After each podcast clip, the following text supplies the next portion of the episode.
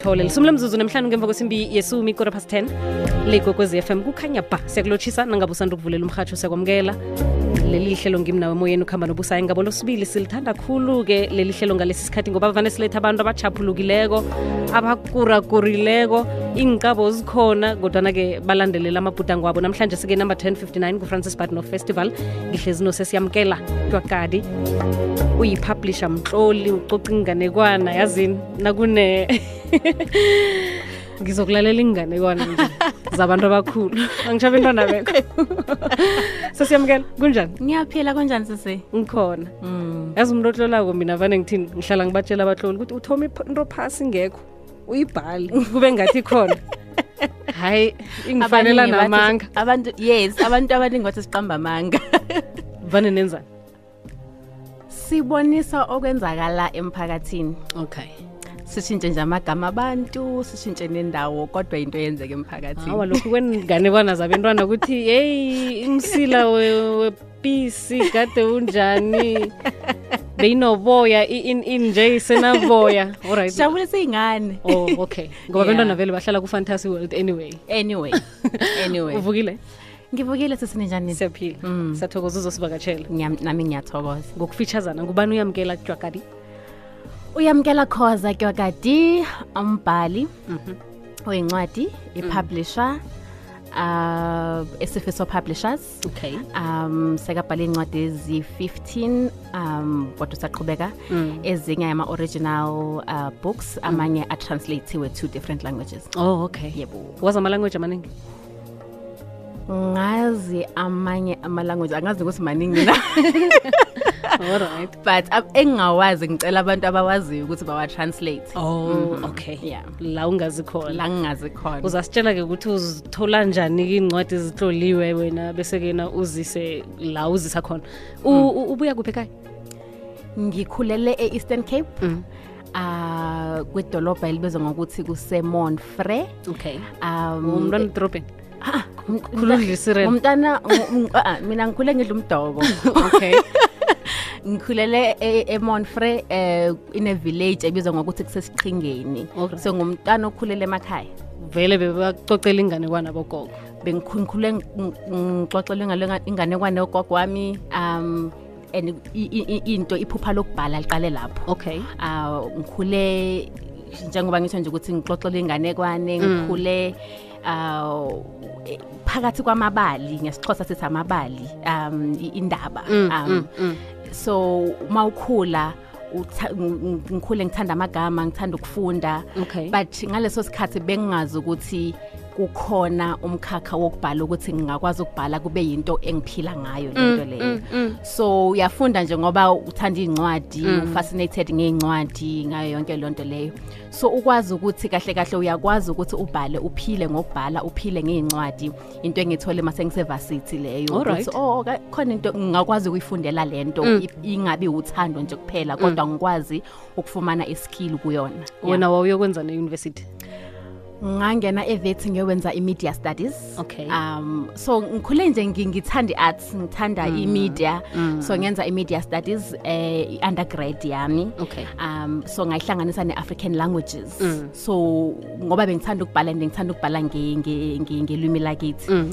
so um ma ngiqeda ukwenza i-degree yami yokuqala then ngizwe nge-publishing studies okay. and then i thought ukuthi ngifuna ukuyenza this thing ngoba ikhuluma kwinto vele engiyithandayo mm. so nga register kokwenza i-honors degree kwi-publishing studies kuyiyona ke manje engithathe yangibeka kule ndawo engikukuyona khona manje so sengisebenzele ama-publishers com publishing companies amaningi manje ngisesifiso publishers mm, as what as, as a publisher i-publisher yenza so i-publisher so angithi unencwadi ekhanda lakho uyayibhala sibiza i-manuscript ngaleso sikhathi akakabi incwadi abantu abaningi bathi i've written a book cha mm, mm, akakabi mm. incwadi just khona i-manuscript esizifunda kunathi incwadi mm. into seyiphelele eh, seyihlanganisiwe yaba incwadi ngempela ngaleso sikhathi kusase i-manuscript mm. so wena uma uyithumela kithi uh, ah, sine process esiyilandelayo um siyayihlola ukuthi ifanele ngempela na ukupublishwa i-theme obhale ngayo indlela obhala ngayo i-message oyithu sithumele ebantwini sibheka into eziningi kahle kahle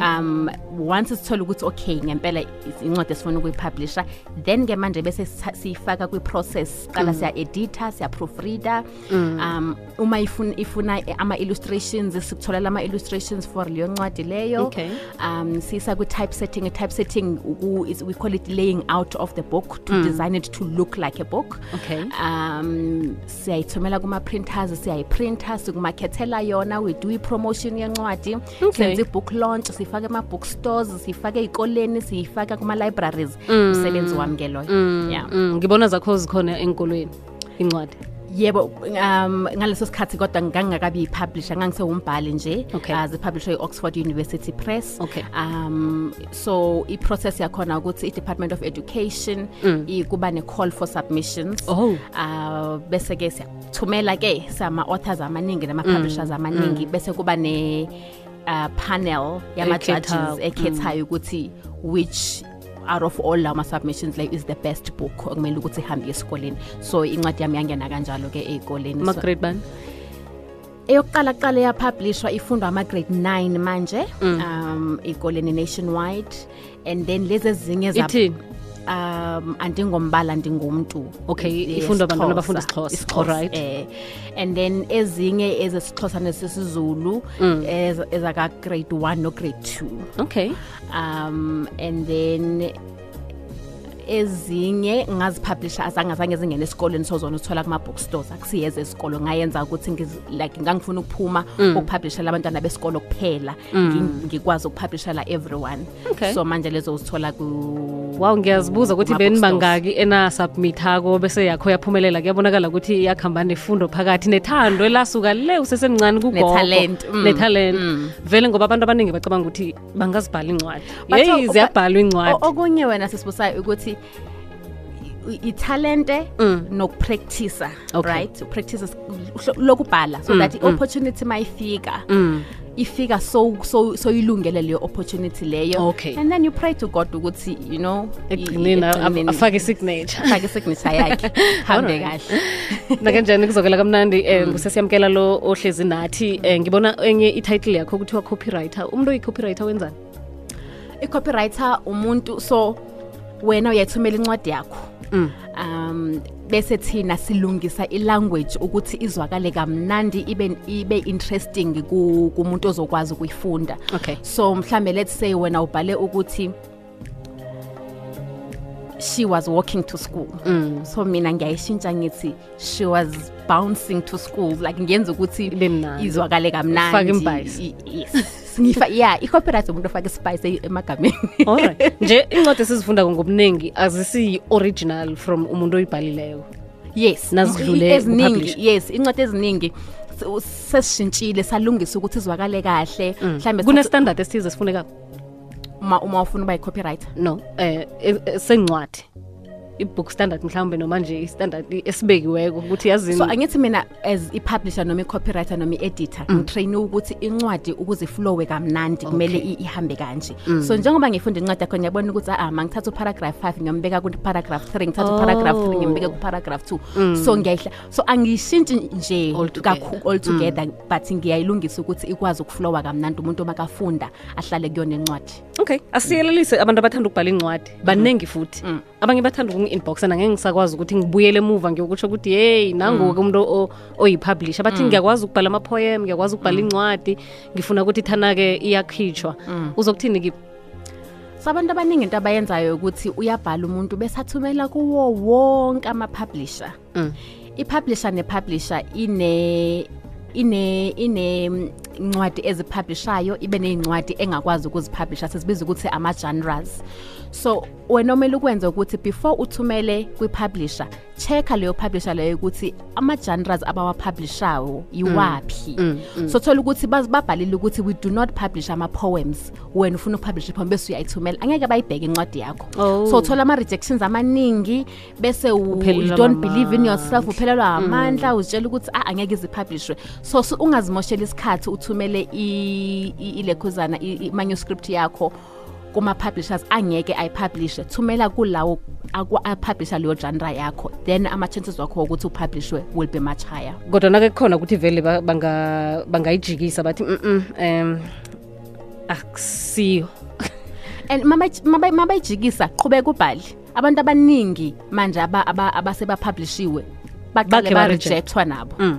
so and bayila nto abayiyo manje after be-rejectiwe soqhubeka ubhale qhubeka uthumele but mangisho futhi ukuthi khona abantu umuntu otshela ukuthi ngifuna ukubhala ngifuna ukuthumela um e, kuma-publishers uthole ukuthi umuntu akakwazi ukubhala akanaso isiphiwo sokubhala uma uzazi ukuthi awunaso isiphiwo sokubhala and uyazazi ukuthi kunelinye ithalente unkulunkulu akuphalona focusa kulelo thalente lelo uye kukubhala becausesiyamukelaubazi abantu nabazazi kokuthi into leyo ngeyami kuzwa abantu abahlezi lapha ecadi uyazi ukuthi yeyakho mm. and you are sure and you are sure and you are mm, sure mm. qhubeka okay mara uma uyazi ukuthi nkosi yami unkulunkulu wangipha ukucula noma wangipha ukudweba noma wangipha ini and ukubhala akusona isiphiwo sami cela uyeke because ngempela even if iphablishiwe noma uzipublishawuzazi into sizicocela ngengcondweni zethu bese ngibe convinced ukuthi vele busayazi unomona uyamkela ufuna kube ngezakhe kuphele uzoyipublisha le ncwadi uspende imali yakho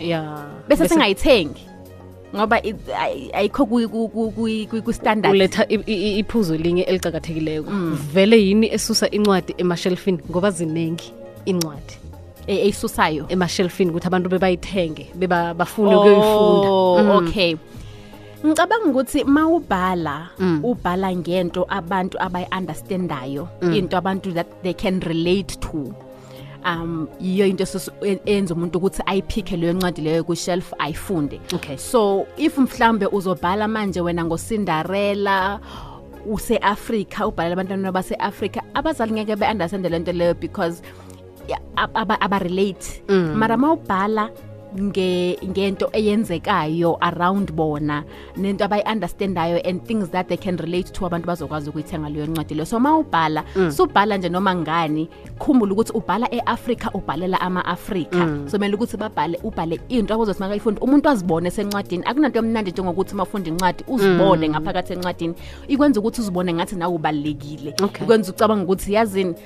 abantu bangaphandle kuphela abantu ababalulekile nami ngibalulekile ngiyayibona impilo yami la encwadini and leyo nto ofanele kwenza ukuthi uthenge incwadi so ngasho kanjalo kubabhali abalalele ngambala kuzokala kamnandi ngusesiyamukela oyi-publisher ufundele into leke ukuyifundela khona kwenza ini ekugcineni ngoba abanye bakwenza kuyi-raw talent ukuyifundela kukwenza ukuthi abantu bakuthathe serious um and if ngempela ufuna ukuba yipublisha mm.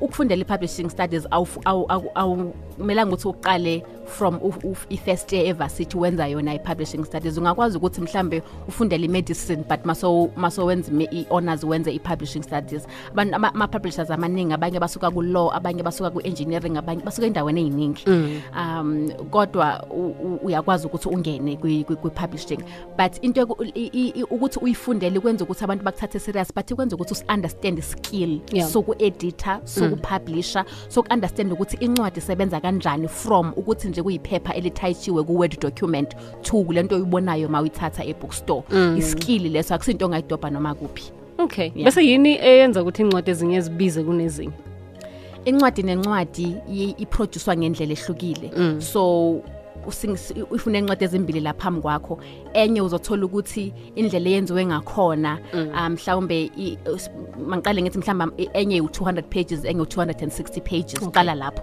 so i-editing yakhona ye260 pages i-cost yakhona is going to be much higher than eyencwadi enama pages are few mm. so it's all about ibudget ukuthi ngisebenzise imali engakanani kule ncwadi ukuyiproducer okay. so kumele ngithole imali engakanani so that book is going to be much higher than lena e E, e, mm. e, engakhostanga mm. kakhulu ukuthi mawuyiproduce alrighty um eh, egcineni utholakala kuphi usize abantu khulukhulu-ke abakwazi ukubhala bese-ke bafuna ukupublisha uthile nokuthi imali yakho ilapho wena ingangani imali kuphileka kangangani um so ngiqale ngiphendule umbuzo ukuthi ngitholakala kuphi mm. um ngitholakala kufacebook uyamkela khoza cwakadi ku kutwitter uyamkela khoza ku-instagram uyami underscore tie which is t y e mm.